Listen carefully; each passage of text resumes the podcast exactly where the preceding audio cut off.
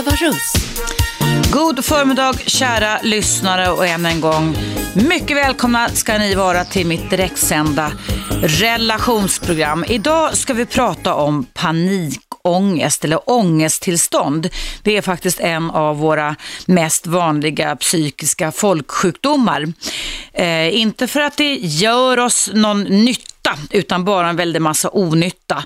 Men det går också att komma till rätta med och jag vet att det finns många lyssnare där ute som liksom jag en dag har drabbats av en panikångestattack. För fem år sedan så kom jag hem från en utlandsresa. Eh, jag blev försenad med tidszonerna och jag kunde inte sova. Jag har aldrig haft sömnproblem någonsin i mitt liv, men jag sov kanske bara två, tre timmar och vaknade upp eh, och kände mig konstig i kroppen. Eh, kroppen hade sömnbrist och jag var lite jetlaggad och lite olag. Jag fäste inte så stor vikt vid det där annat än att jag kände mig lite uppvarvad. Men vart efter dagen gick så började jag känna mig mer och mer konstig. Jag började känna mig överansträngd i huvudet och i takt med att jag började känna mig nästan så att det kokade i pannan så började jag känna att mitt hjärta började slå väldigt, väldigt snabbt. Jag fick en illamåendekänsla, illamående känsla, jag kände mig oerhört yrslig och vimmelkantig och varje gång som jag försökte sätta mig ner, för jag kände liksom att jag kommer svimma snart, så kände jag att det blev ännu värre. Så att jag vandrade runt i min bostad eh, som en, ja, som en orolig, orolig ande, som jag kunna säga det för. Och i takt med att jag gick omkring där hemma och kände mig vimmelkantig, illamående och att det brann i pannan, så började jag tänka på alla kommande hemskheter. Jag började tänka på framtiden. Jag började få lite dödsångest. Jag började tänka på min ensamhet och övergivenhetskänsla för jag stod precis då inför den situationen att min yngste son skulle lämna boet. Ehm, jag såg bara en väldig massa katastrofscenarier framför mig och ju mer jag såg de här katastrofscenarierna desto mer övertygad var jag om att jag kommer att dö. Jag kommer få en hjärtattack.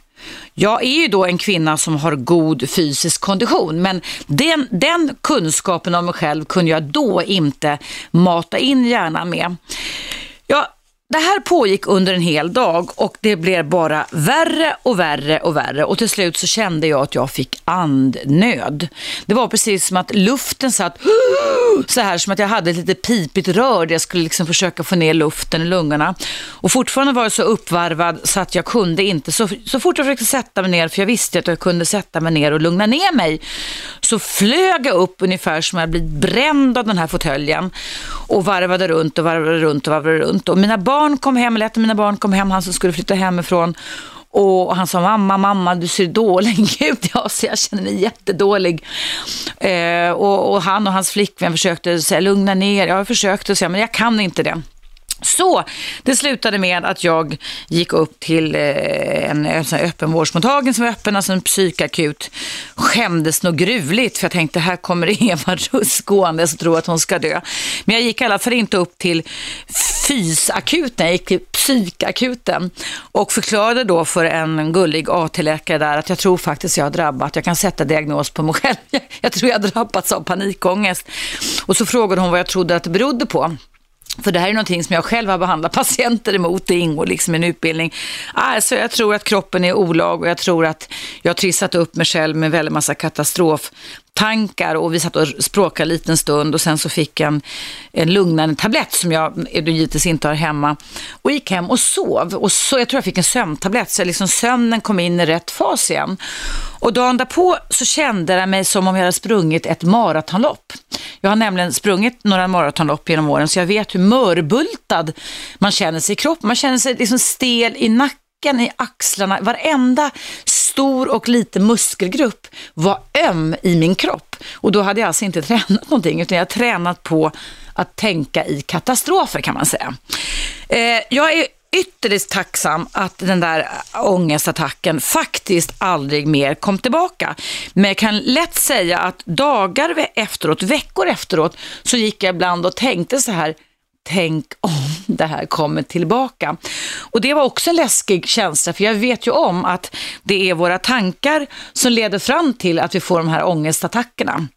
Så om du känner igen dig, kära lyssnare, i att ha haft en ångestattack, det behöver inte vara panikångestattack, eh, eller om du har fått hjälp och blivit botad av den eller har några bra tips. Jag kan givetvis också ge dig tips efter, eftersom det här är någonting som jag har jobbat med dagligdags egenskap av kognitiv psykoterapeut. Ring in till mig då ända fram till klockan 12 0200 11 12 13 är numret in till Radio 1. Men du kan givetvis också mejla rakt in i studion här med mig, till mig då, och, och då är mejladressen evaradio1 snabelagmail.com. Och jag vill påpeka det då att när du ringer in till mitt program så behöver du absolut inte uppge ditt riktiga namn. Utan det är mer så att det är bra för mig att få en bild om vem jag pratar med. Så du kan heta precis vad du vill men det är kul att ha ett namn att relatera till. Det har redan börjat ringa, jag misstänkte väl det eftersom det här är en folksjukdom som finns. Så att eh, vi ska se här, jag har eh, Klara som ska hjälpa mig och se vad det är för någon som ringer in. Men jag ska då berätta prata lite om det här med panikångestbehandling. Att en panikattack är alltså en plötsligt fysiologisk ökning i kroppen som kan upplevas att den kommer från ingenstans. Men den kan ofta uppstå under stress. I mitt fall, det här är många år sedan, så var jag då under stress och hade sömnbrist. Och symptomen på en panikångestattack är både kroppsliga och mentala kan man säga. Och i kroppen så känner man precis det som jag kände. Jag kände att pulsen slog, alltså en, en, en rusande puls kan man säga. Jag hade, fick till slut svårt att andas, ont i bröstet, svårt att få luft, kvävningskänslor. Jag svettades, jag hade svimningskänslor. Man kan få skakningar, det hade inte jag. Jag hade ont i armar och ben dagen efter, för jag hade spänt mig så otroligt mycket. Och de psykiska eller mentala symptomen på en panikångestattack, det är oftast overklighetskänslor. Och, och att man kan få tankar på att man håller på att dö, att man, att man håller på att bli tokig eller att man håller på att spricka och så vidare. Det är det man kan få då som, som tecken på det här och att man håller på att bli galen. Så att eh, nu ska jag ta och koppla in Fabbe här som har, eh, vill prata med mig om panikattacker. Eh, Hallå Fabbe! Ja, hej. Hej, välkommen till mitt program. Välkommen. Tack så, tack så mycket. Jag tänkte på det här som du snackade om panikattack. Mm. Eller Ja, eh, alltså jag har upplevt ungefär tre perioder i livet då. Jag är 35 år. Mm. Så första tog väl inte jag så mycket på allvar så jag inte visste vem det var, vad det var för något. Mm. Eh, andra gången då, då var det typ drygt tre år sedan. Ja. Och då, då, var, det, då var det relaterat till eh, lite eh, sorgliga stunder i livet just på den tidpunkten. Just det. Och då förstod jag åtminstone varför jag mådde dåligt och varför jag var orolig och så. Mm. Men nu för um, ja, två, tre månader sedan så kom det tillbaka men då fanns det ju ingen anledning helt plötsligt att det skulle vara så. Det, det. Vad hände då? Hur, var det en panikångestattack du fick då? Ja, då trodde jag, då hade jag, då trodde jag som du sa att jag skulle dö. Att mm. det bultade så mycket och sånt. Och då, jag var övertygad om att det var något fel på mig medicinskt då. Och uh, detta följdes upp av konstant huvudvärk nu som, ja, jag vill inte ropa hej än men snart på väg bort. Ja. Men, uh, ja, det, det första var ju lite mer lättare att acceptera för man visste att det var vissa mm. saker i livet som var lite sorgliga som inte man, man accepterade då, eller typ som man mådde dåligt av. Just det. Men då visste man vad det var man mådde dåligt av. Men nu, just nu har ju allting varit bra så sett, eller ja, rulla på. Men, men du Fabbe, Två frågor. För att när man har haft då panikångestattack och man känner det väldigt fysiologiskt så brukar man ju rekommendera att man söker upp en doktor och gör en, en EKG så att man kan utesluta att det inte är något fel ja, på hjärtat. Har, du, har du gjort ja, det? Jag har ja. gjort det två gånger. Du har gjort det? Ja, men det är bra. Fick det någon effekt på dig att du blev liksom friskförklarad i ditt hjärta i alla fall då? då? Ja, alltså i första gången, eh, vad heter det här, eh, så så blev det typ att, ja men bra, då vet jag att det, det är väl någonting med, då, då, då snackar vi om panik då tänkte jag. Mm. Men eftersom jag inte har haft, eh, på grund av jobb, tid riktigt att lägga ner tid på en riktig behandling då. Mm. För att man vill ju, ja, mm. jag är nyinflyttad i Stockholm nu så att man vill ju inte vara arbetslös. Så att Nej. jag satsar lite mer på jobbet men det, mm. det har haft sin, sina nackdelar då men eh, men du Fabbe, kan det möjligtvis ha den här senaste känslan du fick att det var på gång? För det var ingen attack utan det var en krypande känsla uppfattade det som för två, tre månader sedan. Mm. Stämmer det eller? Ja, alltså grejen, ja. grejen är att jag trodde just den kvällen jag fick den här grova attacken att jag skulle typ, ja, som, att jag skulle dö eller någonting. Mm. Ja, man tror ju det. Ja, och det, man känner sig så dum sen men ändå ändå. Va? Det, det är den känslan som är då, den, den är ju som den är. Så att man, det är ju som sagt en panikattack är ju så ganska likt det, det riktiga så att man Absolut. kan avgöra vad det är. Nej, nej, nej. Men du, när du fick det här nu för två, tre månader sedan, du sa att kroppen, det var inte massa sorgliga saker, kroppen var olag, men kan det möjligtvis ha med dina tankar att göra? Jag tänker du säger att du är nyinflyttad, därför att det är ju både kroppsliga symptom, att kroppen är olag, stress, men också tankarna som drar igång en sån här ångestattack. Har, ja, har, har du koll på, du har tänkt sista tiden Fabbe?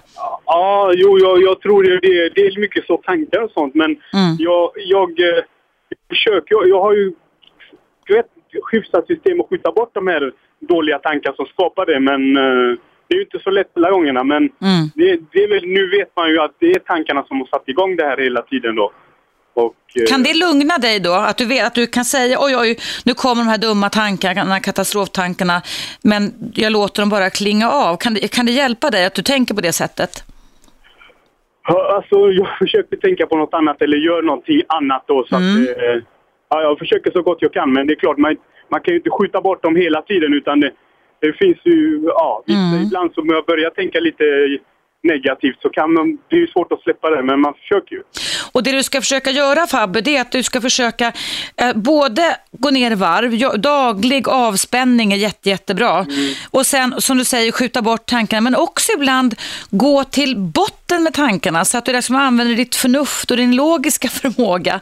Och säga, men är det här verkligen realistiskt? Är det verkligen sant att det här verkligen kommer hända?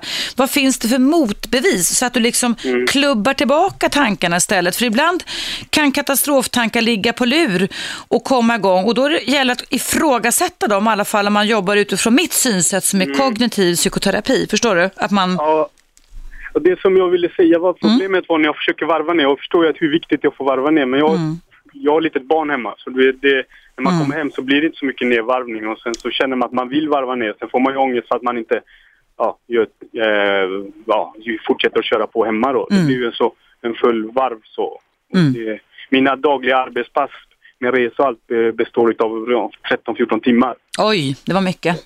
Mm. Ja, så att, eh, och det kommer bli högre nu också så att sen när man kommer hem då så är man ju ganska slut och sen så ser man ju sin lilla barn så vill man ju inte, då, då vill man inte sitta där och slappna av för att... Nej, eh, men du vet att det kan räcka fem minuter och eh, ett par gånger om dagen, att man bara man kan gå in på toaletten eller alltså i samband med toalettbesök bara, för det måste vi ändå ja. göra, och bara gå ner i varv en liten stund och tänka på något lugnande, något lugnande, för, så att hjärnan får slappna av, för det är hjärnan mm. som kokar igång och drar igång krisbeteenden, kristankar, för vi tror ju att det är fara och färde, att någonting farligt ska hända. Och det kan vi dra igång en sån här alarmreaktion bara med tankens hjälp. Liksom. Precis. Tror du att om man skulle typ gå i en grupp med andra som sån här, typ, det finns sådana här grupper som ja ångestgrupp eller orosgrupper, du vet. Ja, bara... Man delar sina känslor med sådana som upplever samma. Ja, fast det finns en risk, alltså det ska vara KBT-inriktning, för annars finns det en risk för att ni vidmakthåller och ältar för mycket, förstår du? Att ni ska... Ja, man drar ner varandra. Ja, ja jag tycker det. Så det är bättre... Det var det jag också tänkte, för att det var därför jag inte riktigt var så pigg på att gå i en sån grupp, ja. att det finns en risk att man hör ännu tragiska grejer, ja, att det ja. värre. Du Fabbe, vet du vad, eh, jag måste sluta samtalet, jag ser jag dragit över tid. Tack för att du ringde in. Fortsätt gärna lyssna Fabbe. Och och lycka till med din behandling. Tack snälla du. Hörrni, jag pratar om panikångest. Nu måste jag trycka på reklampausen, annars blir det panik här på Radio 1.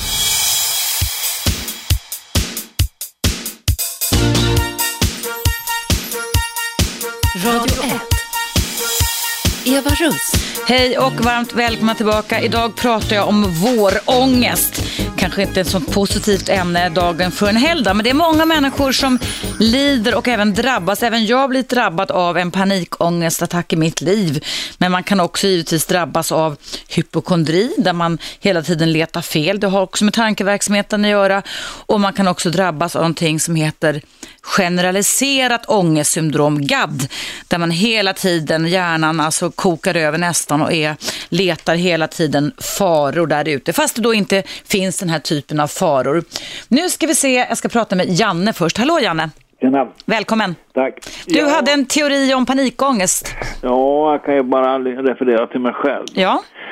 Och jag har alltid tyckt det är obehagligt att stå på en scen framför alla människor och göra anföranden och sånt Mm. där. Jag undviker den typen av jobb, man kanske måste råka ut för sånt. Det är många som tycker samma sak som du där. Mm. Eh, Men det är, väl, rätt- det är väl någon blyghet eller osäkerhet i historien. Men sen när jag suttit liksom runt ett bord med andra människor har, jag, har det gått bra. Va? Mm. Men sen började det här och ge några andra symptom när jag satt liksom, jag var med en bostadsrättsförening, vi hade årsmöten och grejer, så vill man säga sin sak. Mm.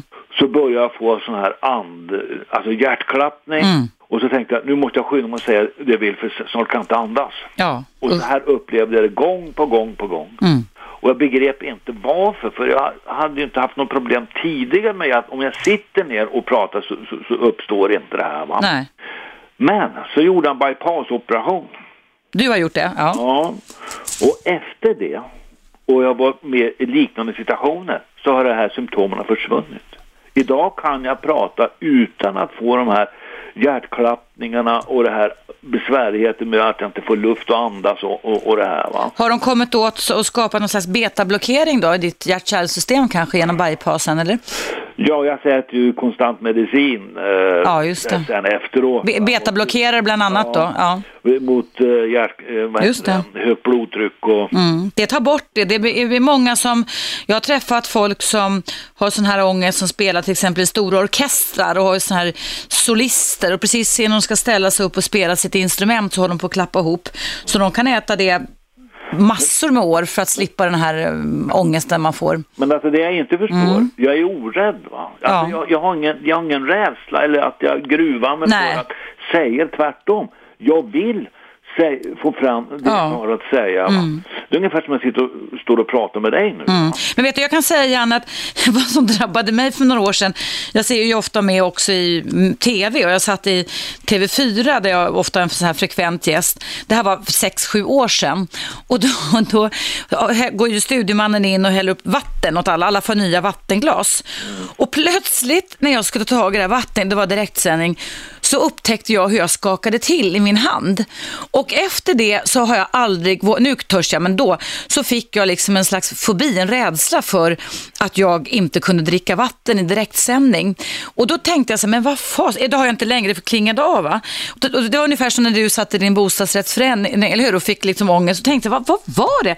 Men det, var, det är alltid en tanke som skapar den här arousen i kroppen va, som leder. Och jag tror att jag tänkte så här plötsligt bara, tänk om Tänk om det skulle synas, jag fick bara en negativ tanke, tänk om det skulle synas att jag var nervös, för man är ju lite laddad när man sitter i tv, precis som jag är laddad här.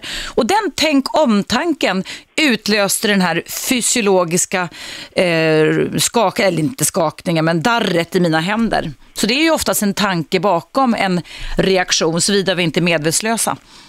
Jo, alltså det ligger någonting i, i, all, i alla sammanhang. Eh, eh, alltså tänker man negativt så blir det ju så oftast också. Mm. Det Men nu har du varit befriad från detta, hur länge då? sedan 97. Vad härligt, vad härligt. Ja. Nej, nej, men det är min teori att det var det här med operation att det var stopp i kärl och grejer. Ja, ja. Och så blir man lite upphetsad eh, när man håller på att prata. Man kanske är irriterad över någonting. Man, oh, man eldar upp sig. Det är kanske någon som har en motsatt eh, åsikt. Va? Så eldar man upp sig. Mm. Och till slut, det, det var så jävla jobbigt så att det är ungefär som jag hade sprungit allt jag orkade en kilometer. Va? Just det. Mm. Och jag tappade nästan andan och jag skämdes ju för folk som satt runt och tänkte vad fan är det där för jävla...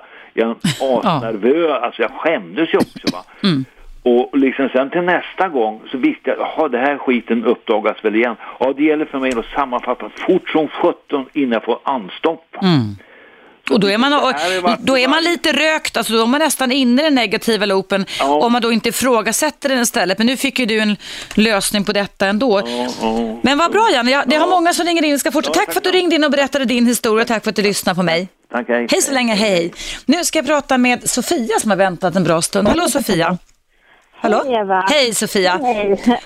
Nej, jag har lite, för ungefär ett och ett halvt år sedan så, hade, så fick jag, eller två år sedan så fick jag min första panikattack. Jag var tillsammans med en väldigt manipulativ och destruktiv eh, pojkvän. Mm. Men sen så fick jag, eh, sen senare tog slut och så fick jag en panikattack igen och så fick jag ungefär jag fick tre stycken efter det. Och nu har det satt sig att jag blir så himla nervös att jag ska få den här panikattacken. Mm. Så att det känns nästan som jag ut, alltså att mm. jag framkallar den själv. Det gör det, det är det du gör. Du framkallar en panikångestattack med hjälp av dina tankar eller att kroppen är olag eller att båda samverkar.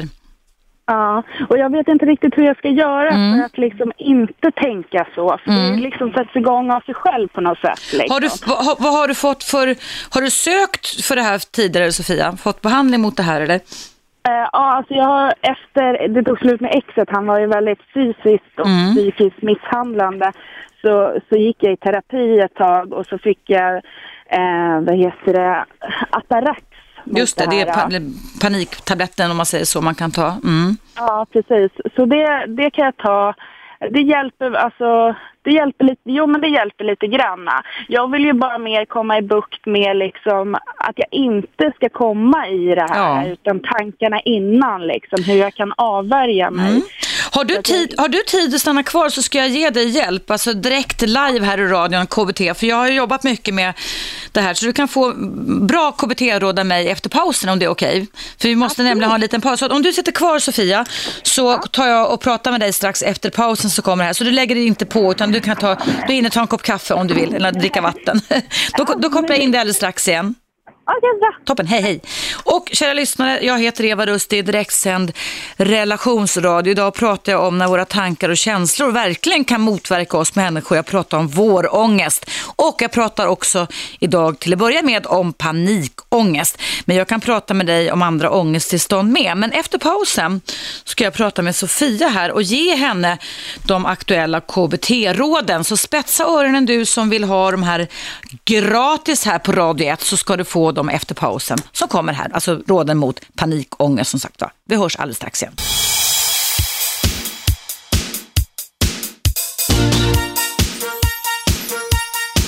Radio 1. Eva Russ. Mycket välkomna tillbaka ska ni vara. Idag pratar jag om vårångest och jag pratar i synnerhet om panikångest. Så du som lyssnar just nu eller nytillkommen lyssnare, spetsa öronen och stanna kvar. För nu ska jag coacha Sofia med KBT-råd så att hon kan komma till rätta med detta. Är du kvar Sofia? Jag är kvar. Jättefint, tack. Du, vi kan väl berätta för lyssnarna så här att du hade ett stimuli, alltså för några år sedan så levde du med en mycket destruktiv och dysfunktionellt fungerande person, alltså en relationsproblem. Mm. Och då var det ju ett stimuli som givetvis ledde till en adekvat rädsla för ditt liv eller rädsla för mm. att det här, så att där kan man säga att din panikångestattack fyllde en funktion. Jag hoppas den hjälpte dig att göra slut med honom. Jo, men det gjorde det. Mm. Det fick ju mig att bryta med ja. honom till slut. Även om det var en obehaglig känsla så kan du nog tacka mm. panikångesten den gången i alla fall för att den skapade beteenden, förstår du? Så att du tog, drog mm. det bort ifrån den här mm. destruktiva personen. Men sen har du fått det, så det två gånger till va? Ja, tre gånger till. Tre gånger till. Och har du kartlagt alltså, i vilken typ av situation, alltså vad är det för stimuli? Det kan ju vara en inre tanke men det kan vara någonting yttre yttre också? Typ, eh... Det som var under den här relationen, han missbrukade också väldigt mycket så jag blev ju medberoende till hans beroende och så sen började jag även missbruka under en tid själv mm. och så sen fick jag en psykos. Och, Oj då. Eh, mm. Ja, och det var väl där liksom som själva det, det bottnar nog där i för att jag, jag får panikattacken då är det som att jag upplever att jag eh, missbrukar igen, att jag blir hög igen. Mm, jag får, alltså det är det som kommer tillbaka. Va, vad missbrukade du då, då Sofia? Äh, hasch. Ja, Eh. och vet du att haschpsykoser är, Mm. det är ett av de mest vanliga, men även alkoholpsykoser, eller man har druckit för mycket, Mm. inte alkoholpsykos och så. Men haschpsykos har jag haft jättemånga patienter Mm. som har testat och sen fått panikångest efter det. Ja, nej men det är så farligt så att det Mm. finns inte och folk förstår inte riktigt det. Men det är där det bottnar att jag tror att jag ska antingen bli hög igen om, Mm. om mig själv. Att jag blir rädd att jag ska hamna i, i den här prispsykosen eller psykosen. Mm. Men hur länge sedan var det du hade det då? Det var väl en två och ett halvt år Okej, sedan. mm. Och du håller inte på med hasch längre? Nej, ja. Bra. absolut inte. Du, men du har inte gått och fått någon hjälp sa du hos någon eller? Jag gick ett tag eh, hos, på vårdcentralen och pratade med en eh, terapeut där. Mm. Eller en kurator eller vad det var. Vad fick du för råd då? Eller verktyg? Ja, alltså det, det jag ville prata om det var ju mm, ja, mitt förra förhållande och psykosen och eh, vad heter det, panikattackerna. Men det hon pratade med det var om killen och så och jag fick inte så mycket råd mer än att eh, ja, du kan ju få en eh, panikattack eller du kan till och med få en psykos av de här tankarna om du går och tänker att du ska få en psykos. Och då blev ju jag ännu mer uppjagad och rädd liksom. För att då börjar man ju tänka i det här, åh gud nu kommer jag framkalla det här av mig själv liksom. Det blev nästan värre av, jag tyckte inte alls att hon var Nej. bra och så testade jag en till men det funkade inte heller så Nej. har jag bara gett upp det. Nej, men då ska jag ge dig i alla fall mina råd som har funkat mina patienter genom åren. Eh, för det första så gäller det att man kan komma till rätta med panikångestattacker. Det handlar om övning och kunskaper. Alltså man måste förstå hur kroppen är uppbyggd. Va? Och där är det så att vi sysslar med riskbedömningar hela livet på som säger ska jag kämpa eller fly? Alltså det är de försvarsbeteenden vi har. Vi ska se om det finns en fara som vi kan bekämpa eller en fara vi ska fly ifrån. Och då är det så att då gäller det alltså att, så att en panikångestattack kan alltså utlösas av tänkta faror som inte finns i verkligheten eller verkliga faror. Va? Och då sker det, då det är precis som en automatik drar igång i kroppen, då sker en långsam aktivering av, av liksom att du ska kä- kämpa, kan man säga, kämpa systemet, alltså ökat blodtryck, vi ska kämpa, vi ska ha mycket resurser.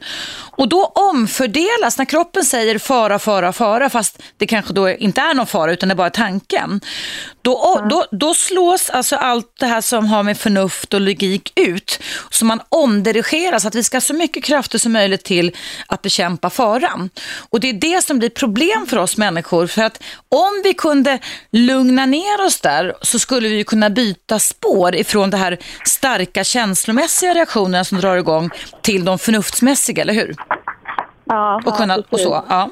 Så att vad man behöver göra då när man jobbar med panikångest, det är alltså att att dels hitta, när man börjar känna den här inre fysiologiska aktiveringen, då ska man träna sig på någon eh, favoritavslappningsmetod så att man kan förebygga. Så fort man känner att oj, nu drog det lite igång, då måste du ha någon teknik. Förstår du? Som du har övat på innan. Som att, ja, nu känner jag här, nu sätter jag mig ner och verkligen jobbar i tre minuter, fyra minuter. För det man kan komma till rätta med en arousal i, i hjärtat jättesnabbt. Genom att tänka på lugnande bilder, genom att andas långsamt och lugnt, se ett, ett, en, ett vattendrag som är lugnt. Alltså det finns massor med bra bilder som är motsatsen till panikbilderna. Har du tänkt så någon gång och prövat det någon gång?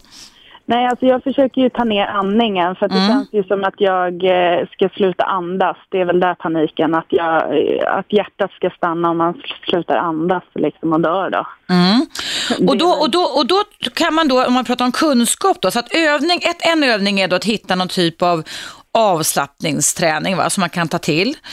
Sen kan man ju givetvis också då dis, göra tvärtom, alltså distrahera kroppen, glömma bort kroppen. Därför att den här panikångestattacken leder till en massa negativa loopar där man blir mer och mer fixerad med vad som händer i kroppen, eller hur? Och då måste man bort från kroppen, alltså distrahera sig. En, en väldigt bra grej är till exempel att ta ett matte mattetal, att räkna baklänges från 300 neråt va? Eller säga så här, vad är 78 gånger 99 delat till 2? Så att man, för då tvingar du hjärnan att gå bort ifrån den här arousalen och börja med förnuftshjärnan, alltså pannloberna istället. Mm. Så det kan nästan bli värre då om jag mer börjar tänka på min andning. Absolut, så du ska bort från kroppen.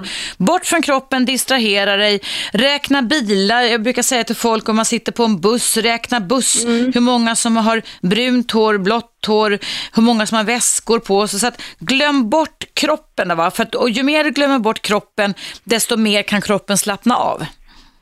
Ja, då sköter den sig själv. Liksom, ja, då kommer den tillbaka till det hela igen. Va? Sen kan man givetvis då ta en varm dusch eller bada. Men man kan ja. också ta en kall dusch, förstår du? Alltså någonting som ja. aktiverar kroppen fysiologiskt kan man säga. va? Ja. Ja, det tror jag nog nästan är bättre för mig, alltså tänka på något helt annat. Ja, ja. och sen så mm. kan man också då ta tag, om vi pratar om panikångestbehandlingen här då, så kan man då också jobba med att, alltså istället för att eh, fly ifrån tankarna så kan man stanna kvar och alltså nästan mm. bli en ut, vetenskapsman, förstår du? Och utforska så här, men är det verkligen rimligt det här att jag tänker på de här eh, tankarna? Är det verkligen en sån fara? Så att istället för att säga välkomna in och angrip mig så kan man istället säga, men är det verkligen så här? Finns det fog för detta? Skulle jag kunna mm. tänka på något annat sätt? Så att man alltså både, man, man blir förbannad på tankarna va? och ifrågasätter hur jävla dum får jag vara, ursäkta uttrycket, att tänka på det här sättet. Va? Och då ja. kan man ibland slappna av med, då får man distans och ett perspektiv. Va?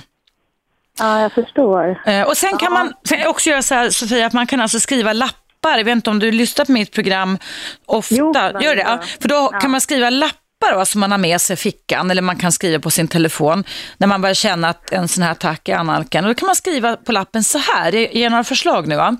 Ja. Den här känslan är inte skön men jag kan acceptera den för den går över. Ah, så man påminner sig ja. själv. Liksom. Och så kan jag säga så här, jag klarar av att gå igenom detta för jag vet att det går över. Man mm. lugnar sig själv. Ja.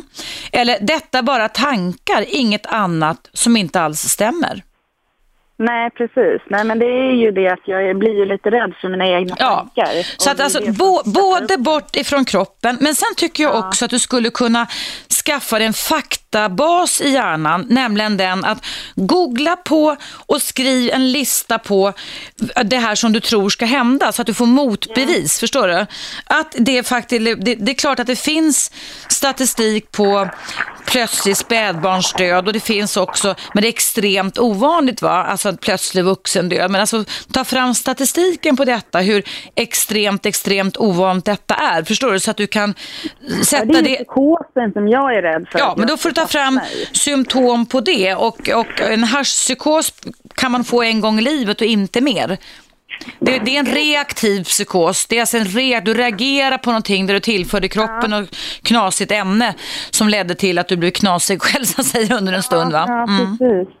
Jaha. Så att öva dig på det här, skaffa dig kunskap, skriv små lappar och distrahe- glöm bort kroppen. Jag brukar ge övning till mina patienter att de under fem minuter ska låtsas att kroppen inte finns. Alltså bara, bara mata hjärnan bort från kroppen, titta runt omkring dig, gör mattetal och håll på. Och då lugnar kroppen oftast ner sig. Va? Och det är övningen man ska göra mot panikångest så som min terapeut sa angående liksom att jag kan framkalla mina egna psykoser genom att tänka på det. Ja, jag tror inte du kan framkalla en psykos, för en psykos är en psykos, det är mycket allvarligt, men du kan framkalla en ja. ångestattack genom dina tankar. Det kan du göra. Ja, men det kan jag förstå ändå. Mm. Nej, men det var så hon uttryckte det och mm. då bara ökar ju den här liksom eh, eh, paniken mm. ännu mer. För det är egentligen det jag är rädd för, ja. att jag ska få en psykos igen. Och det Nej då, det, det, kan, det kan jag kan tala om för dig. Det kommer inte få så länge du, inte, så länge du avhåller dig från hash. ja, ja, nej, nej, nej, men det är ju liksom eh, alltså, tankar som kommer upp som mm. påminner mig om ja, det där ja. stadiumet. Men då får du skriva ner lappar, alltså hitta alternativa balanserade mm. tankar som att eh, jag, jag jobbar mot en friskhet, jag klar, det här, det här har, har har ingenting med förr att göra, det här har med nuet att göra. Jag har, har överlevt väldigt mycket, min kropp kommer mm. gå ner i varv och, och sen distrahera Så testa lite sånt mm. och jobba lite med alternativa. Sen kan du gå in, det finns ju bra sajter, internetbehandling på panikångest idag.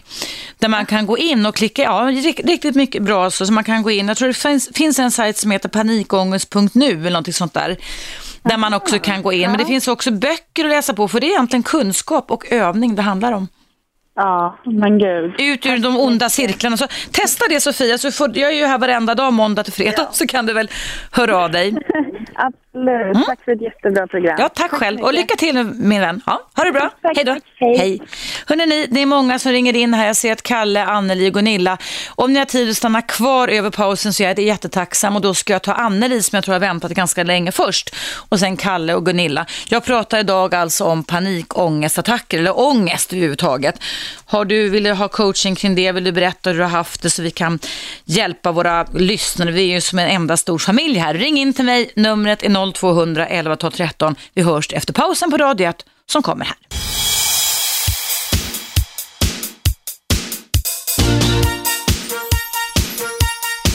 Radio 1. Eva Russ.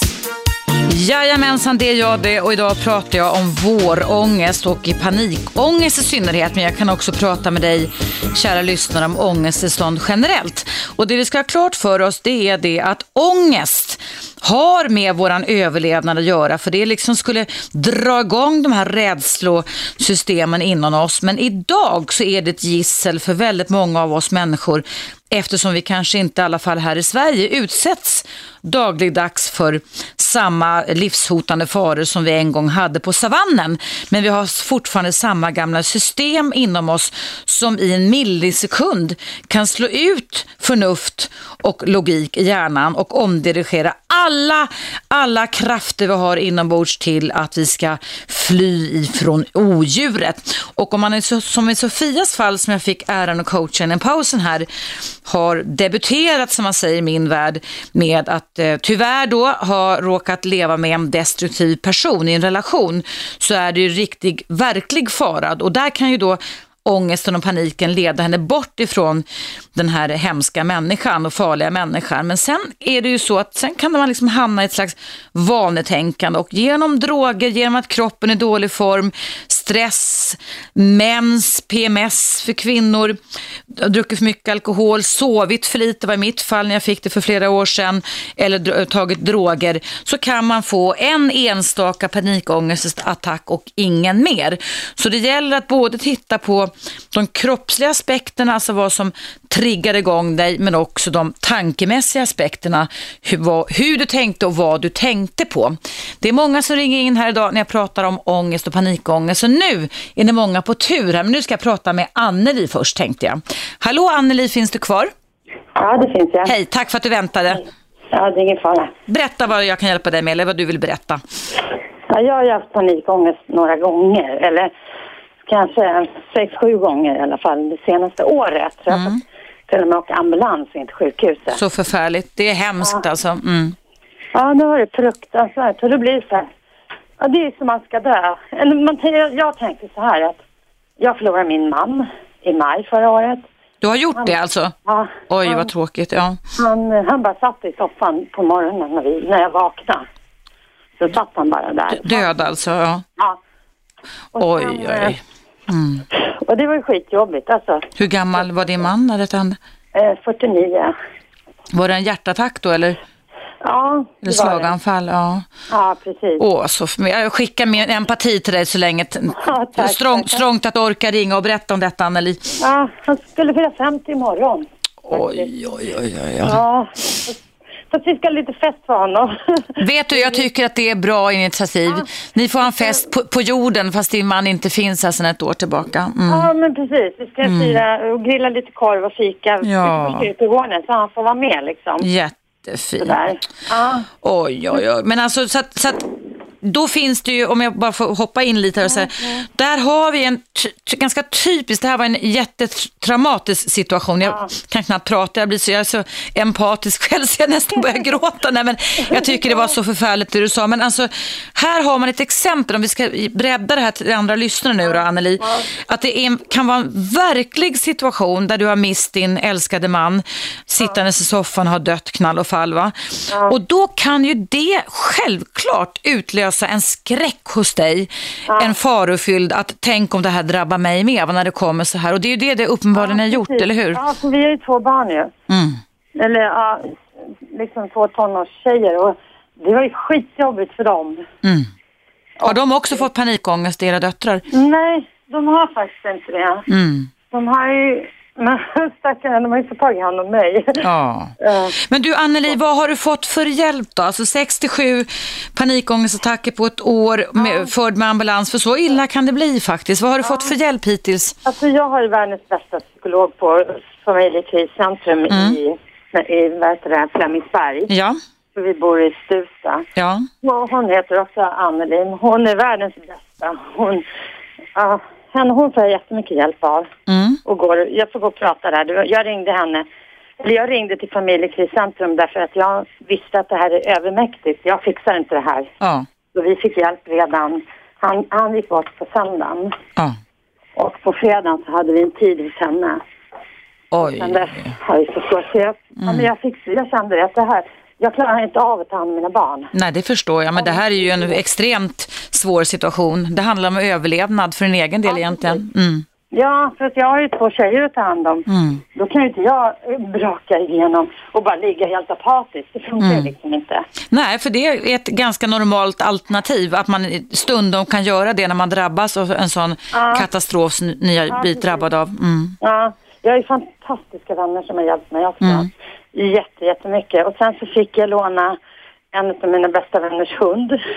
Bra. Så hon, hon var min terapi. Och du var min terapi också faktiskt. För jag, jag gick och lyssnade på dig varje dag. Ja, förra året. Jaha. Ja, varenda dag. Hela, hela våren. Efter, han, efter att han hade gått bort så lyssnade jag på dig. Och det var faktiskt jätteskönt. För att då får man lite... Ja, men det, det är inte bara mig det handlar alltså, det är inte bara Mm, mig. lite perspektiv. Ja. så, liksom. Vad vad människor fint, att höra Anneli. Men du, kan du stävja? Har du fått sådana verktyg nu så du kan stävja? För det gäller ju för dig att sätta punkt, att inte drabbas av några mer panikångestattacker. Du har haft tillräckligt i- ont omkring det tycker jag. Ja, faktiskt. Jag förlorade inte bara min man, utan jag förlorade även min farbrors man. Han dog i cancer sen på i den andra okto- augusti samma år, eller förra året. Så det blir pålagor av yttre saker som händer som kan leda till detta. Ja. Precis, och sen så min, en av mina bästa vänner som stöttade oss jätte, jättemycket, en av mina äldsta barndomskamrater, hon, hon fick en massiv hjärnblödning hemma här hos oss också. Oj, så det var... Oj, oj, oj. Det, alltså, det, ibland är det sådär att man nästan, ursäkta uttrycket, har någon slags uppsamlingshit kring allt elände som finns, eller hur? Jag, jag sa till mina kompisar att om, ni vill, om ni vill fortsätta leva så ska ni inte umgås med mig. Men ni får inte komma hit, för då dör man. Ja. Alltså jag sa det till dem, Ja. du dör om du kommer hit. Men nu, nu får det vara slut på det. Och du, du, du, på, ett, på ett sätt kan jag säga till dig, Anneli, ni som lyssnar, att det du har beskrivit här, det är det är livet, ska vi säga, Ja. men du har drabbats extremt hårt och väldigt tätt. Och då är det ju fara för ditt liv någonstans, förstår du? Så att på ett sätt så har din panikångestattack hjälp, reagerat adekvat, förstår du? Som om det är verkligen fara, men sen spinner ju kroppen igång och vi har ju muskelminne och allting sånt, så att det kan ju räcka med en liten, liten tanke, så svipp så får du en ångestattack igen, eller hur? Och det är det du måste bryta. Har du fått några verktyg kring det, Anneli, av den psykologen du går hos? Ja, nej, inte hos henne så där mycket. Men jag har en, en jättegod vän som har, han sa till mig att meditera, försök att meditera. Det är bra råd. Och eh, så att nu när det där kommer, Mm. så tänker jag så här, han sa så här att man kan ju, alla, en del hummar ju och andra rabblar ord så liksom. Och han sa till mig, eh, han sa så här att jag sa ta, ta bort tanken. Mm. Så att när jag känner att det här kommer, för det kan komma när jag sitter och kör bil. Mm. Det kan komma liksom när som helst. Mm. Och eh, då, då, då, så nu sitter jag, när det kommer sådär, jag känner ju. Att det händer något i kroppen, Ja. ja. Jag känner så här, oj fan, nu jävlar. Eh, då, då sitter jag och tar bort tanken. Ja, först snabbt och sen så blir det sakta sakta sakta. Så kan jag liksom hantera det, men jag repeterar det bara inne i hjärnan. Mm, men det räcker väl bra och det hjälper Ja. dig också, eller hur? Ja, Bra. så gör det, då försvinner det. Men du, är det, det som är klassiskt för ångesttankar överlag, men också panikångest, men som är generellt, det är ju de här som du beskrev nu, tänk om-tankarna, eller hur? Ja, precis. Så kan du beskriva en tänk om-tanke du har haft som du när du kör bil till exempel, men som du har kunnat bli av med nu? Vad, vad har dina tänk om-tankar, som oftast är katastroftankar, handlat om? Så tänk om jag dör nu, vad ska hända med mina barn? Mm. Mm. För det var fruktansvärt att begrava honom tillsammans med dem. Det förstår jag.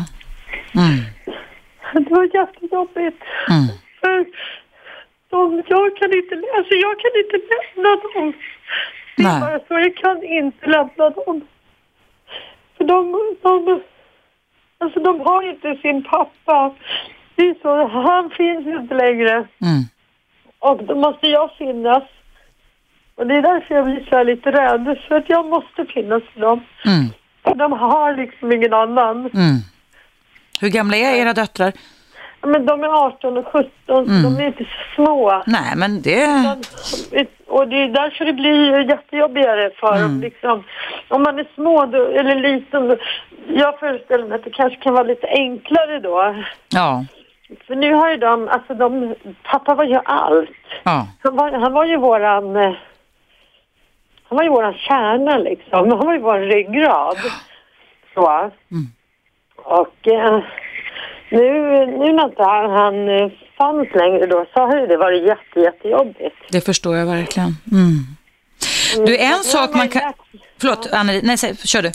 Ja, men nu vi har ju lärt oss att leva utan honom och vi har ju skapat en, en ny familj och nya rutiner och allt sånt Mm. där. Men, men liksom vi bor ju kvar i huset och allting sånt där för det är omöjligt att flytta Ja, det, och det, det, det ska du inte ta tag i nu. Ni ska ju ha liksom Nej. Ettårsdagen imorgon av att, din man dog knall och fall hemma i Nej, soffan. han, han skulle fylla 50 imorgon. Han skulle fylla 50, så var det. Det var i maj. Han, ja, just det. Ja.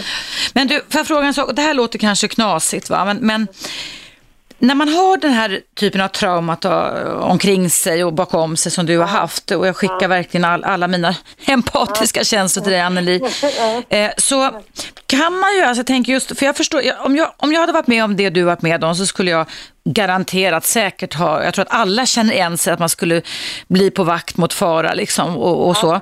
Men man kan ju också då med, med tiden, jag säger inte att du ska göra det idag, se till att om det nu skulle vara så, för vi, vi har ju inga garantier för livet, har ju du verkligen grymt nog liksom upplevt va?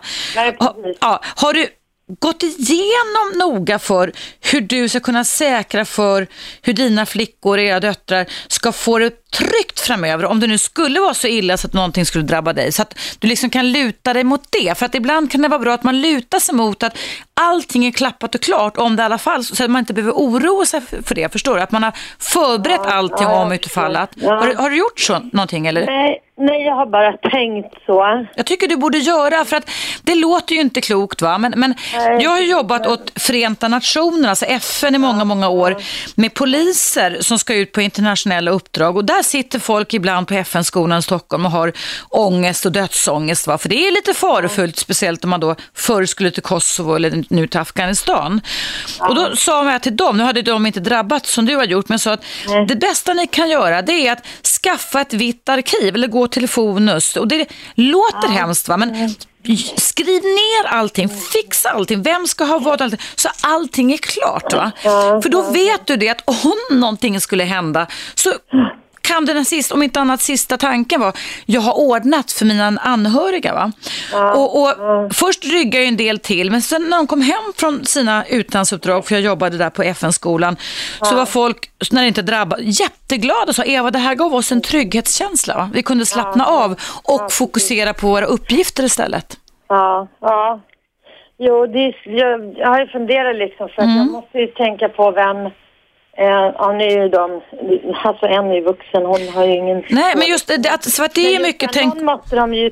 någon måste ju kunna ta hand om Ja, du skulle liksom- egentligen planera en gång för alla när du är mogen för det. Så att du kan släppa det här lite, förstår du? Och börja leva nuet. Och inte leva i framtidens eventuella kommande katastrofer. Men jag är så sinnessjuk också därför att jag är så här att jag säger till alla att men, alltså man måste leva idag. Det, det finns ju bara ett liv. Mm. Ja, jag försöker ja. verkligen ta vara på alla tillfällen Ja, jag kan. mm. Och så får jag sån här panikångest. Jag tror att Ja, jag men det är dö. normalt snarare, ja det har du varit utsatt för. Du Anneli, jag måste ta en liten paus här, en nyhetsuppdatering. Ja, ja. Vill du vara kvar eller vill, ska vi fortsätta samtalet efter pausen? Jag har inget bråttom. Ja, nej jag vet inte. Jag känner mig nog ganska klar. Ja. Jag ville bara liksom... Vad fint, men fortsätt att lyssna i och med att du lyssnar på mig. Ja. Ja, absolut. Tack snälla du och jag skickar en stor varm kram en gång till. Tack så mycket, tack. Hej då. Hej. Hej då, hej. Hej. Hörrni, ni, jag pratar om ångest och vår ångest och panikångest. Ni lyssnar på Radio 1 och jag heter Eva Russ.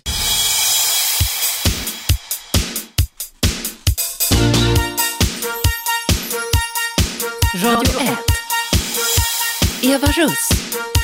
Välkomna tillbaka. Idag pratar jag om vårångest, jag pratar om ångestsymptom och jag har första timmen här pratat med flera stycken av er om panikångestsymptom i synnerhet. Det kan kan uppstå kanske bara en gång i livet men för vissa så kan den komma vid flera tillfällen. Och vi ska ha klart för oss att en ångestattack alltid utlöses av antingen en tanke eller en, ett yttre stimul, alltså vi konfronteras gentemot någonting. Och farorna som tankarna tror ska ske är bland annat att man, då hjärtat rusar, att jag kommer dö, jag kommer få en hjärtattack. Och då kvävningskänslorna kommer så tänker man, jag kommer sluta andas, jag kommer att kvävas. Och då svimningskänslorna kommer så tänker man, jag kommer att svimma, jag kommer bli medvetslös.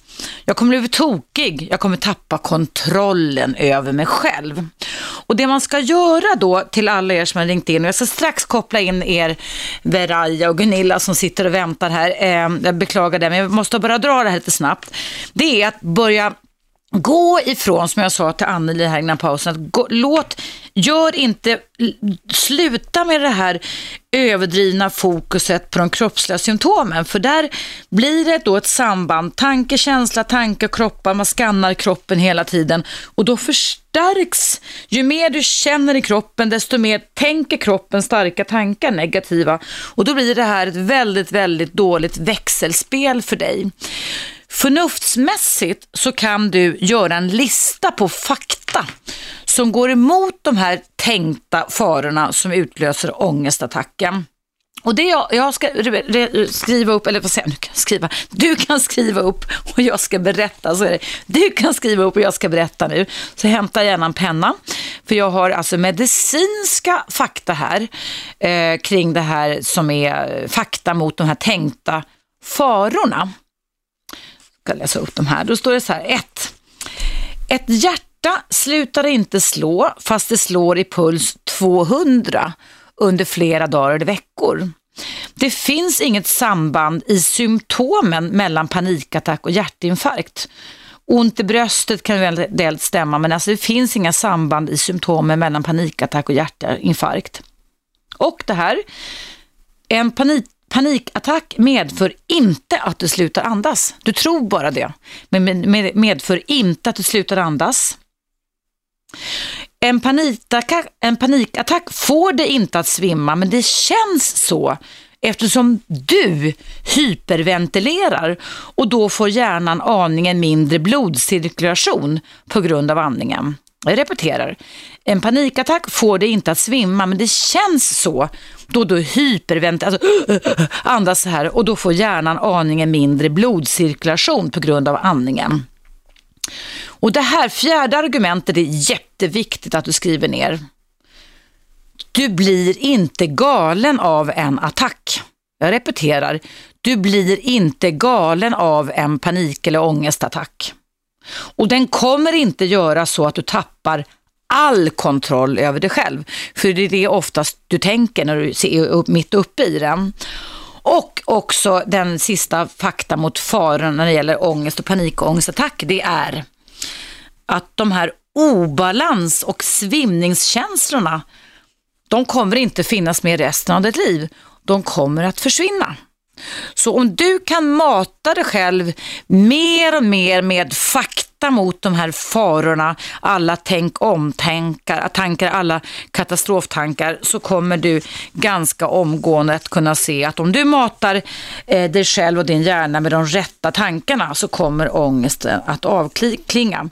Men det handlar om att vara förberedd, att mota Olle Grind helt enkelt och ha klart för sig att när du känner den minsta lilla förändring i kroppen stress, eh, bakis, skakis, PMS, sorg som Anneli varit med om, rädsla, man har sett folk dö framför ögonen och man tror att man ska göra det själv. Då får man använda förnuftet och skaffa sig fakta i målet och mata in det i din hjärna. Och då kommer den här reaktionen, då kommer hjärnan fatta, nej det var inte så farligt det här. Och då kan man kliva ut ur de onda ångestcirklarna. Ja, jag får lov att be Teresa och Veraya och Gunilla vänta lite till för nu måste jag hålla tiden här. Så jag trycker nu på pausknappen en liten stund och lyssnar på Radio 1. Jag heter Eva Russ och ända fram till klockan 12 så kan du lyssna på mig eller ringa in och prata om ångestsymptom för det är det jag gör idag. Och jag är som gör det, jag har mer än 30 år erfarenhet som psykolog och snart 15 års erfarenhet som kognitiv psykoterapeut och det är vi som då i synnerhet jobbar med panik panikångestbehandling. Jag kan berätta för er att jag hade en, för många år sedan en ung flicka som fick, som Sofia, en haschpsykos av eh, panikångestattack, förlåt, kort haschpsykos för hon var bakis och hade rökt hasch första och sista gången blev det faktiskt för hennes del. Men det satte rekord i KBT. På fyra behandlingar blev hon av med den här panikångestattacken och mig veterligt så har hon inte fått den tillbaka. Så det kan gå ganska lätt när man har de rätta kunskaperna och verktygen att komma till rätta med dem. Efter pausen i alla fall så ska jag ta Veraja, du har väntat tillräckligt länge, Gunilla och sen Teresa om ni orkar vänta kvar.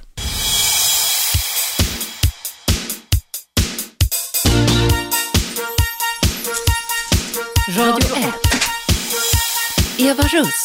Mycket välkomna tillbaka. Jag pratar idag om vårångest. Jag pratar i synnerhet om panikångest, men jag kan prata med dig om andra ångesttillstånd med. Och därför så ska jag prata med Verja som har väntat en stund. Hej Verja! Ja, hejsan hejsan. Välkommen. Berätta vad din kompis har drabbats av, för du vill ha vägledning för din kompis som har ångest. Berätta vad som har hänt. Ja, det stämmer. Eh, det är så som att han hamnade i en bilolycka. Bilen välte för sju, åtta år sedan. Mm.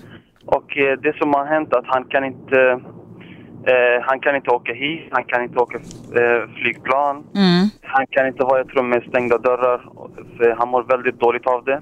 Han satt fast i bilvraket en stund ja, också? Ja, han satt fast i bil tre till fyra timmar. Oj, oj. Mm. Eh, och han mår väldigt dåligt av det fortfarande. Mm. Mm. Han har gått till läkare, han har liksom försökt på alla möjliga sätt mm. få hjälp. Men eh, han, är, han har sedan fått tabletter och så. Okej. Okay. Mm. Som hjälper under en viss tid. Men mm. sen när det är över, liksom, då, är det, då är det tillbaka. Mm. Vet du vad? Då har jag eh, ett, ett par, par, väldigt konkreta råd. Om, jag, om det är det du vill ha, alltså Värja. Ja, gärna. Eh, då vill jag bara sammanfatta det du har sagt. Alltså att här har vi då, om vi ska förklara hur symptom uppstår och vidmakthålls, så är det alltså en frisk ung man, för han hade inte det här innan bilolyckan, eller hur? Nej, nej, nej. nej, nej. Ja. Och det, är, det är så här psyket funkar. Va? Att han har varit med om någonting livshotande. Han har utvecklat instängdhetsskräck för han satt fast i ett bilvrak va? innan han fick räddning för sju, åtta år sedan, en bilolycka. Ja, det stämmer. Ja, det har sen, och klaustrofobi, det är också en sån här nästan evolutionär inristning i hjärnan. Att vi skulle se till att vi inte blev instängda i grottor och sådana här saker. Precis som vi kan vara rädda omedvetet för ormar och insekter fortfarande. Men klaustrofobi är en stark skräck och fobi betyder skräck. Ja. Den har sen då generaliserats, så att trots att din vän inte har varit med om en liknande gudskelov bilolycka igen, så har den spridit sig, som du sa, till flygplan, instängda saker och så vidare. Va? Så det här är en fobi och han ska egentligen ha fobibehandling, din vän. Men okay. det jag skulle rekommendera er först, det är att få en remiss eller söka upp en psykoterapeut, man kan googla på nätet, som jobbar med en behandling som jag nämner ganska ofta här. Det heter EMDR, alltså EMDR. Har du hört talas om den, Veira? Nej, faktiskt har jag aldrig gjort. Det är en eh, fantastisk ögonrörelseterapi som kommer från USA som man har jobbat med sedan 30 år tillbaka och det finns otroligt mycket forskning på den. Ja. Eh, jag vet att på Danderyds sjukhus i Stockholm så finns det en traumaenhet. Där, det här är traumat som din kompis har varit med om, där man kan få hjälp. Men jag har ingen aning om väntetiderna för då skulle man kunna gå till sin husdoktor och få en remiss va? Men om din kompis har råd att investera i en privat behandling så kan han få hjälp med detta att sl- släppa den här eh, skräcken som har liksom lagrats som ett blåmärke i hans hjärna va? på två, tre behandlingar skulle jag tro. Alltså jag har jobbat med sådana här olyckor och sånt förr så att säga, och saker som har hänt folk för 30 år sedan.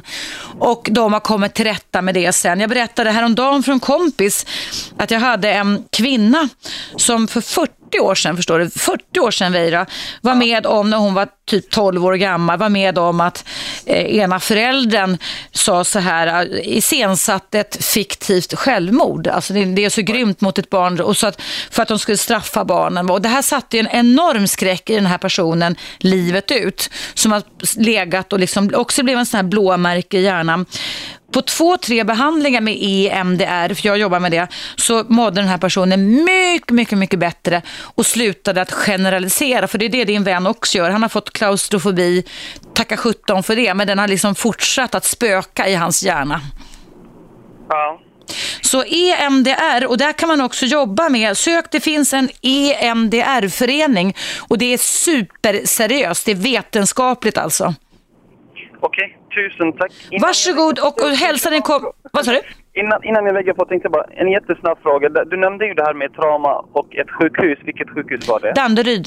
Danderyd. Danderyd har en traumaenhet. Sen finns det också i Uppsala, man bor i närheten av Uppsala, så Uppsala Akademiska jobbar, där var där man började med eh, traumabehandling. Ni kan googla på Kerstin Johannesson, eh, Kerstin Johannesson Berg tror jag, som tog hit EMDR till Sverige, en väldigt seriös psykoterapeut. Eh, hon kanske har specialbehandling, men bryt det här förbannelsen som din kompis har jobbat med ganska omgående så ska du se att han får tillbaka livskvaliteten igen. Ja då, jag ringer. Han Gör det, toppen. Iväg. Tack för det, tack för det rådet. Jag önskar honom lycka till. Att sättet kommer gå, gå över snart. Ja då, tack för ett fint, fint program. Tack. Hej då. Hej.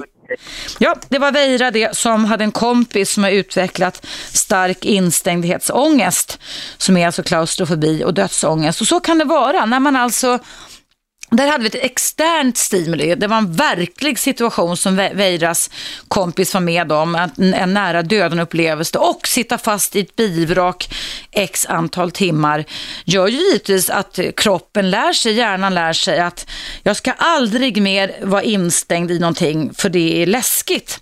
Det är precis som om vi bodde på savannen och blev instängda i en grotta och så lärde vi oss av den då att nej, jag ska aldrig mer vara instängd. Så på ett sätt så är Veiras kompis relation adekvat på ett sätt och vis. Han har lärt sig det att instängdhet är farligt. Men eftersom vi är på den moderna savannen idag, inte den gamla för två miljoner år sedan, så spökar hjärnan lite too much så att säga. Men jag önskar Veiras kompis lycka till. Nu Gunilla är det tur för dig, hoppas du är kvar där. Jag är kvar. Vad fint, jag ber om ursäkt men det är så många som ringer här så du kanske, har, du kanske har fått nytta av att lyssna på mitt samtal med dina andra lyssnarkompisar också. Ja, jag satt och vilade lite. Först vill jag tacka dig för alla eh, mejl du har svarat på angående min relation som har hjälpt mig jättemycket. Vad roligt, tack ska du ha, tack, vad, jag vad tänkte jag skoj. ringer nu. Ja. Mm, tack.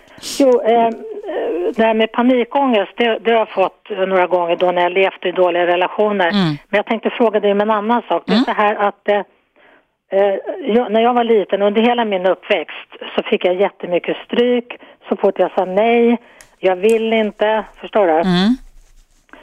Så, och nu då, eh, alltså när jag ska säga nej, alltså det, det kan vara en sån enkel grej som att jag har bestämt att gå på bio med min dotter och så känner jag att jag inte vill. Mm. Så, så, så får jag en sån här alltså kamp och flyktkänsla. Så kroppen blir alltså som en pinne. Jag förstår.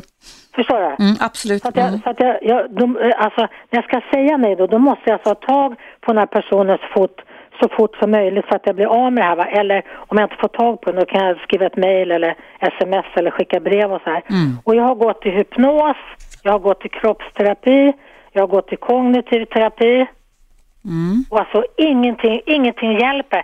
Det, alltså, det har blivit bättre för att för många, många år sedan då kunde jag inte ens gå ut innan, oj, oj innan jag sa nej. Va? Förstår mm. Jag bara sprang så här och flåsade, alltså bö, alltså böjd ångest. Så är det inte. Jag kan gå ut och göra grejer men jag mår inte bra förrän jag blivit av med det. Alltså, och jag undrar, alltså ska jag få leva med det här eller? Nej, men du får jag fråga en sak. Var gick du på hypnos? Alltså, hypnos är jag också utbildad inom och det är ett jättebra behandlingsverktyg. Men vad, vad gjorde ja. ni under hypnosen? Hur många gånger gick du? Jag gick hos, vad heter han nu, hos Ture ute på Lidingö. Ja, Ture Arvidsson ja. Mm. ja. Han är ju väldigt duktig i och för sig, och var duktig. Mm. Ja, jag gick, eh, jag vet inte hur många gånger, kanske mm. tio gånger. Jag var i så här vackra trädgårdar och, ja. och liksom försökte framkalla att jag skulle säga nej och, mm. och mm. nej det hjälpte inte. Så jag tänkte om det liksom, om det är mm. så att jag stannat i kroppen. Ja, alltså vi, vi har ju uh, omedvetna och medvetna känslominnen och det är det som ställer till bekymmer emellanåt som gör att vi kan generalisera olika saker. Men det har ju inte stannat eftersom du har ändå gjort förbättringar och det ska du ju fokusera på att du har blivit bättre för att vara helt inlåst som du har varit och sen Gunilla kunna ta dig ut. Det är ju jättestora framsteg men jag förstår ju verkligen att du inte är nöjd. Du, du vill känna dig bättre. Men KBT då, vad gjorde ni där då? För att det finns ju bra och dåliga verktyg och behandlar också ska vi ha klart för oss. Vad sa jag, kognitiv? ja, KBT, vad gjorde ni där då? För där borde du fått verktyg tycker jag. Ja, det var en tjej på Kungsgatan, eh, mm. Charlotte tror hon hette. Mm. Eh, jo, där fick jag eh, som ett schema så med mig hem och så fick jag då skriva i hur det kändes förra gången. Mm. Uh, och vad jag förväntar mig nu, jag minns inte riktigt. Nej, nej, nej. Var länge, var det länge sedan du gick där Gunilla? Ja, det är jättelänge, det är säkert tio år sedan. Okej, okay. mm. men det hjälpte jag, inte någonting? Nej, jag tycker inte det. Jag tycker mm. det, det, verkar bara som att det, alltså att det blir lite bättre var, var efter tiden går. Och sen försöker jag liksom snacka med mig själv varje gång. Ja, men jag ska göra det här i alla fall. Och, och, även om hon blir ledsen så kan inte jag bry mig om det. Förstår du va? Ja, men det, och, och då, då, då följer du din inre röst och går på bio med din dotter i alla fall, fast det känns obehagligt. Nej, inte när jag inte vill. Ah, men du, då kan inte jag få coacha dig lite? Du ska få några KBT-råd efter pausen. Men nu måste jag hålla, säger min producent, måste ja, hålla tiden här. Så därför ska jag trycka på pausen. Så häng kvar Gunilla, så ska jag prata med dig efter pausen om detta, okej? Okay? Mm. Mm, bra. Hörrni, ni andra, ni som lyssnar, jag heter Eva Rust. Det här är radiostationen Radio 1. Frekvensen är 101,9. Numret in till mig 0200 11 12 13.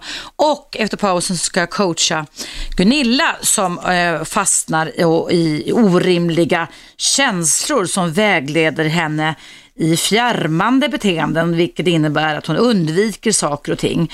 Jag pratar idag om ångesttillstånd, vårångest och eh, vill du fortsätta lyssna så tycker jag du ska hänga kvar efter pausen så kommer det här.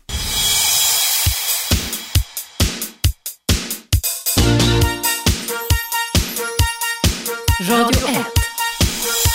Eva Russ.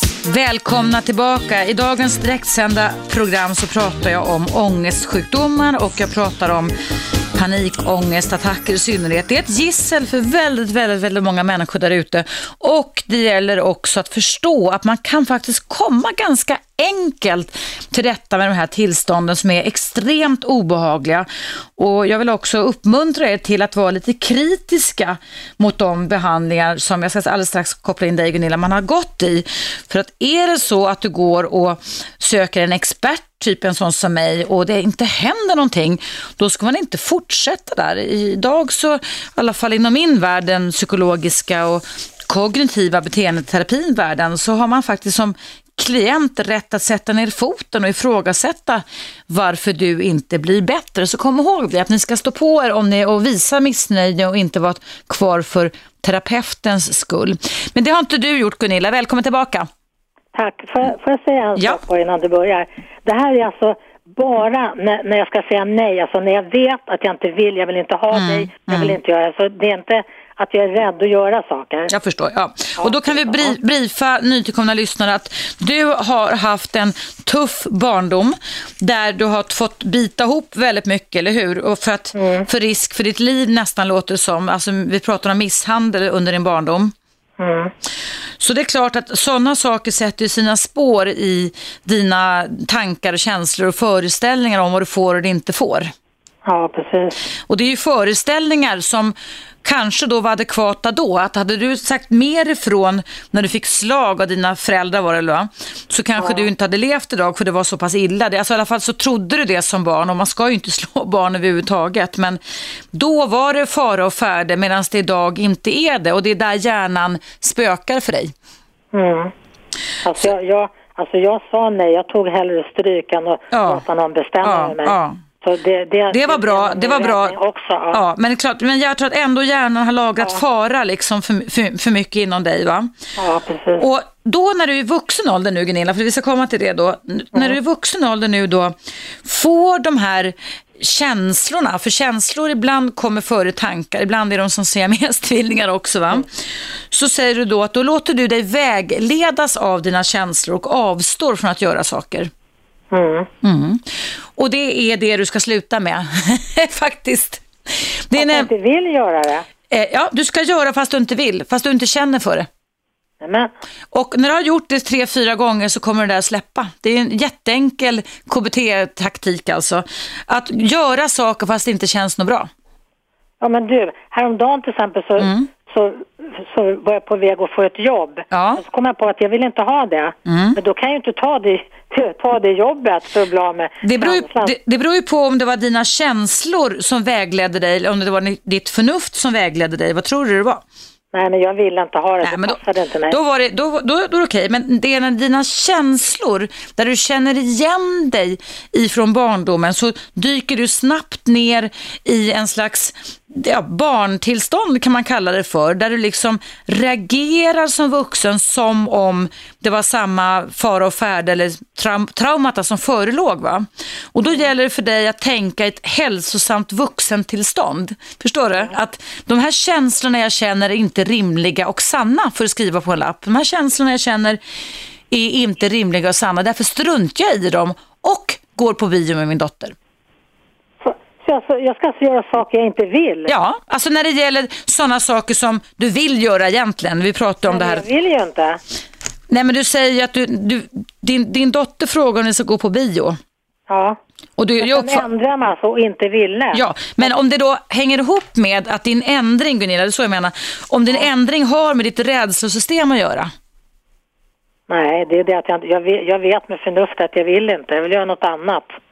Okej, Det- men nej, jag, låter jag uppfattade att det handlade om att du ibland tackade nej därför att dina känslor vann över förnuftet. Alltså att du tyckte först att det var kul att gå på bio och sen fick du känslor som sa nej, nej, nej, nej och du avstod då. nej, Nej. nej, jag, nej, det är när jag kommer på att nej, jag vill inte det här. Eller till exempel, jag ska göra av med en människa, någon energitjuv.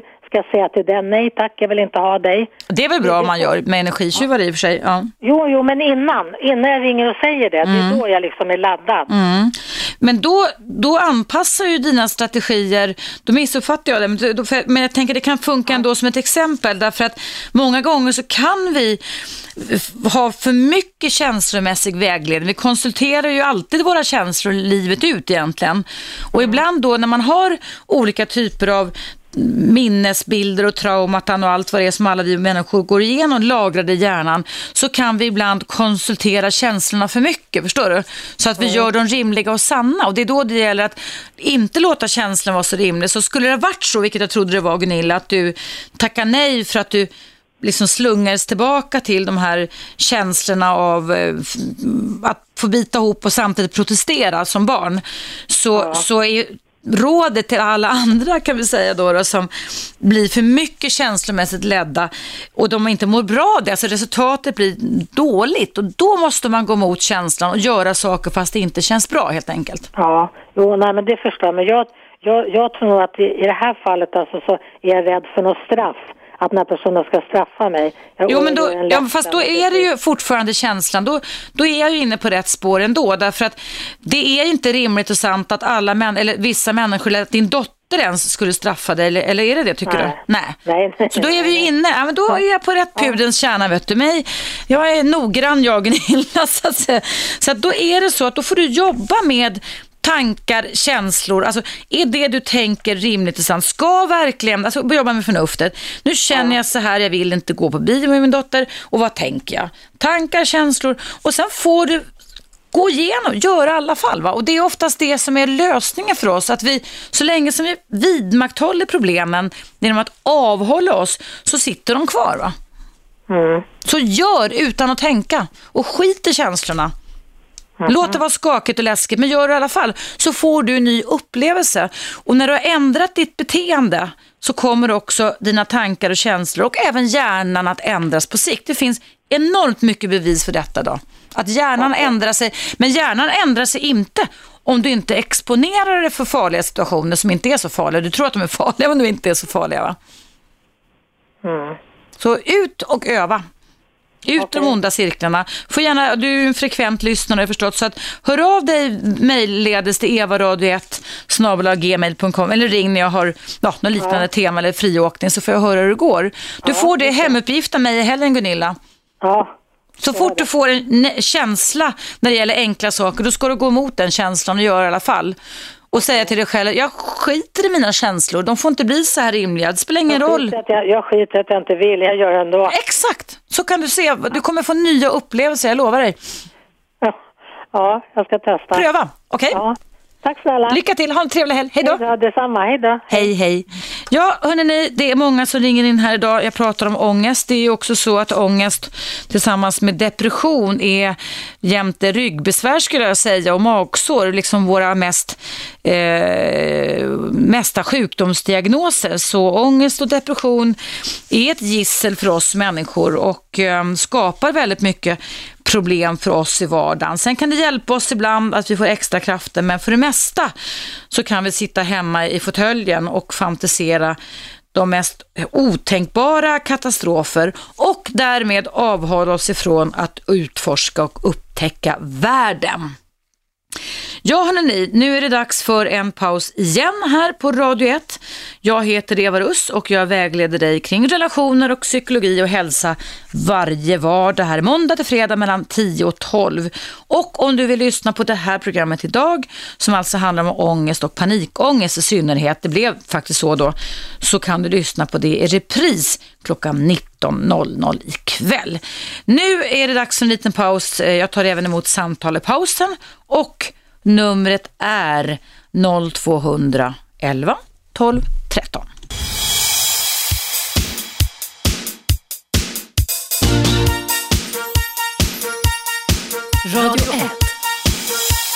Eva Russ.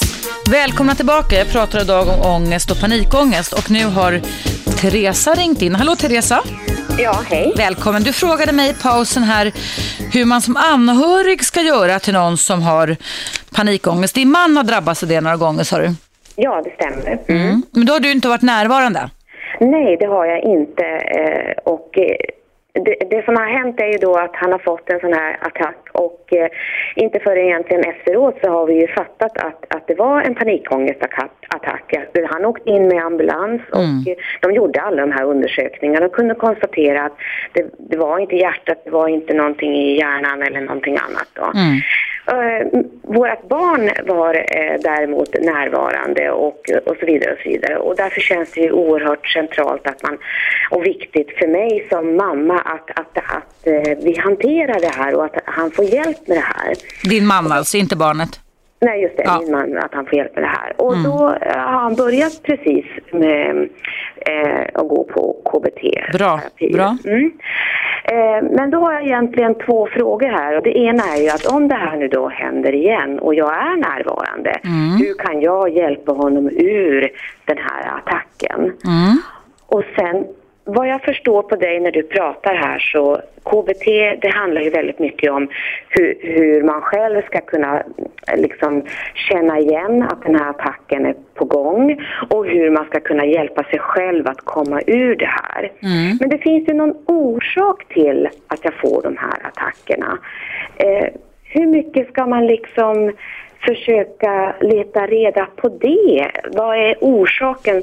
Du nämnde lite tidigare med en annan person här att, att sitta och grotta ner sig och dra ner sig, det, det kändes inte alltid bra. Och jag får nästan för mig att man, eller är det så att man med den här typen av symptom mest bara ska bota symptomen, inte orsaken? Eller det är min andra fråga. Det, det är bra frågor Therese. Vi tar den första frågan först då. Hur man ska hjälpa en person, anhörig, partner eller vad det nu är som drabbas av detta.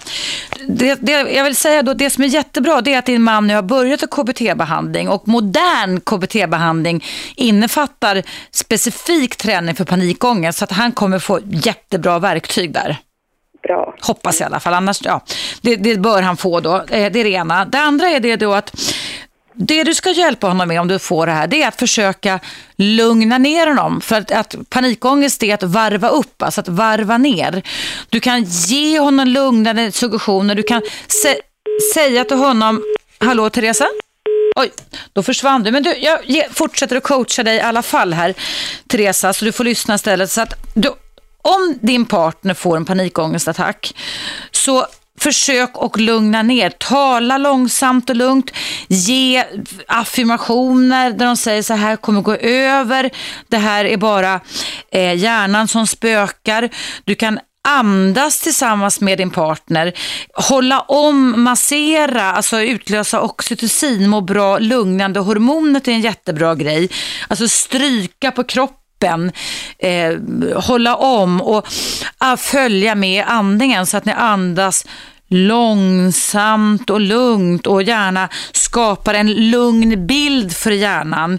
Och det kan man förbereda i förväg. Alltså vad kan vara en lugn bild?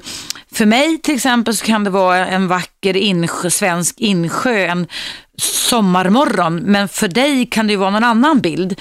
Så bilder, bara tänka på bilder och andas jättelångsamt och lugnt är ett sätt. Och ge eh, suggestioner om att det här kommer att gå över eh, du, det, det, och så vidare. Och sen givetvis också läsa på fakta mot farorna som jag läste upp tidigare här idag då att ett hjärta slutar inte slå fast det stå, slår i puls 200 under flera dagar eller veckor.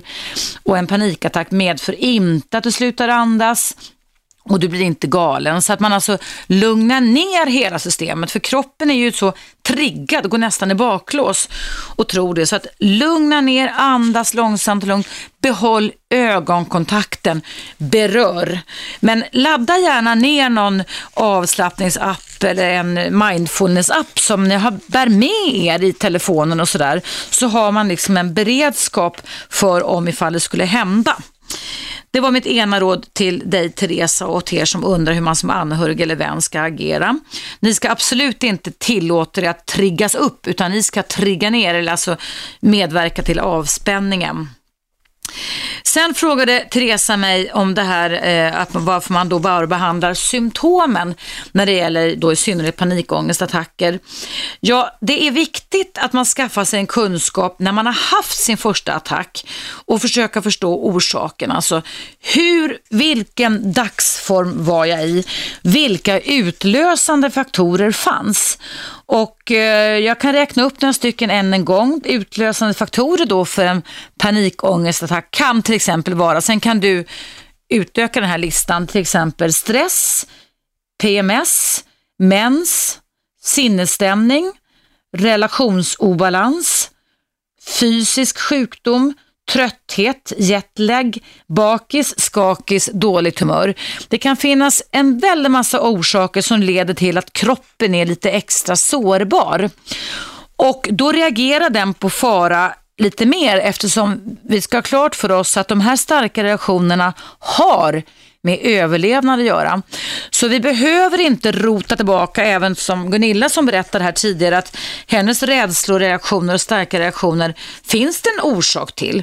Så självklart ska vi förstå att det ibland kan finnas en orsak, men ibland finns det ingen orsak annat än den att kroppen just då var utsatt för någonting som gjorde den extra sårbar.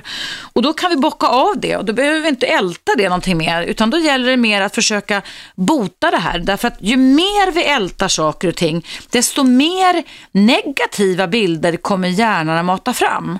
Och det är de negativa bilderna som sabbar för oss när vi pratar om ångesttillstånd. Det är, ju, alltså det, det är de, de goda bilderna, om, om ni hade som upplevt ångesttillstånd, om ni bara hade matat er hjärna med lugna och trygga och glada bilder, då kan jag garantera att ni aldrig hade fått en ångestattack. Det finns, finns inte en chans. Och det har med hur hjärnan funkar. Att vi har nedärvt i reptilhjärnan, nere i ryggraden, så har vi sympatiska och parasympatiska nervsystemet och som inte ens kan snacka, va? som funkar automatiskt. Det ena nervsystemet. Och det kan leda till att vi ibland övertolkar situationer eller om vi redan har varit med om någonting som var livshotande och upplevdes som livshotande så lagrar hjärnan kunskap. Japp, ja, det där var farligt. Då ska jag liksom komma ihåg det. Och det är där vi måste bryta den här generaliseringen och jobba mot att då var då och nu är nu. Och då, för att om vi ältar det här för mycket så blir det ett vidmakthållande. Men det skadar alltså inte att man förbereder sig lite. Okej, okay, jag blev, fick en ångest eller ökad ångest därför att jag inte skött om kroppen. Jag har druckit för lite vatten jag har druckit för mycket, sovit för lite, jag stressat för mycket, bråkat för mycket. Då vet vi ju det då, att då ska vi, måste vi sköta oss. Det är en hälsofaktor kring det här. Vi måste hitta tekniker som gör att vi sköter oss, för då är vi mindre sårbara. Så vi får givetvis ta, ta lärdom av det som har hänt oss och förebygga lite kring det här. Eh, men är det så att du får en panikångestattack, vilket många kan få, så får du ha lappar med dig. Liksom att även det du tror att du kommer dö, att du blir galen och, du, och så vidare, du aldrig kommer komma över det här. Så klingar alltid ångest av. Ångesten är som en bergstopp om du tänker att den är jävligast när du är på väg upp mot den och när du är på toppen av den. Och när du är på toppen av bergstoppen, det är då du nästan är beredd att ta livet av dig för det är så outhärdligt, den psykiska och fysiska smärtan. Men ångest kan inte sitta i för resten av livet. Och du dör inte av ångest heller, utan den klingar av. Precis som du har gått upp för bergets topp så går det ner för bergets topp på andra sidan. Så att den klingar av och det är när det är som värst som det gäller att sitta still i båten och lugna ner dig själv på olika sätt och vis. Om det däremot börjar springa som bara den så aktiverar ju kroppen fysiskt och då tror ju hjärnan att nu jäklar är det bara fara och färre. Nu är det inte bara en dinosaur som jagar mig, nu är det hundra stycken. Och då kommer kroppen att reagera ännu starkare. Så det är där vi måste förstå att hjärnan kan spela oss ett antal spratt och kan leda till att vi ibland överreagerar. Men som sagt vad förebygga kan vi göra och vi kan lära oss att förstå sambanden. Kropp och själ, alltså tanke, känsla och beteende. Men det som är avgörande det är det att man kan bryta ångesttillstånd om du ändrar dina beteenden så lär sig hjärnan det, att det inte var så farligt. Om du ändrar dina tankar så kommer också hjärnan att lära sig att det inte var så farligt. Och om du ändrar dina känslor så kommer hjärnan också att lära sig att det inte var så farligt. Så eran hjärna är plastisk livet ut. Så gör någonting och gör gärna någonting annat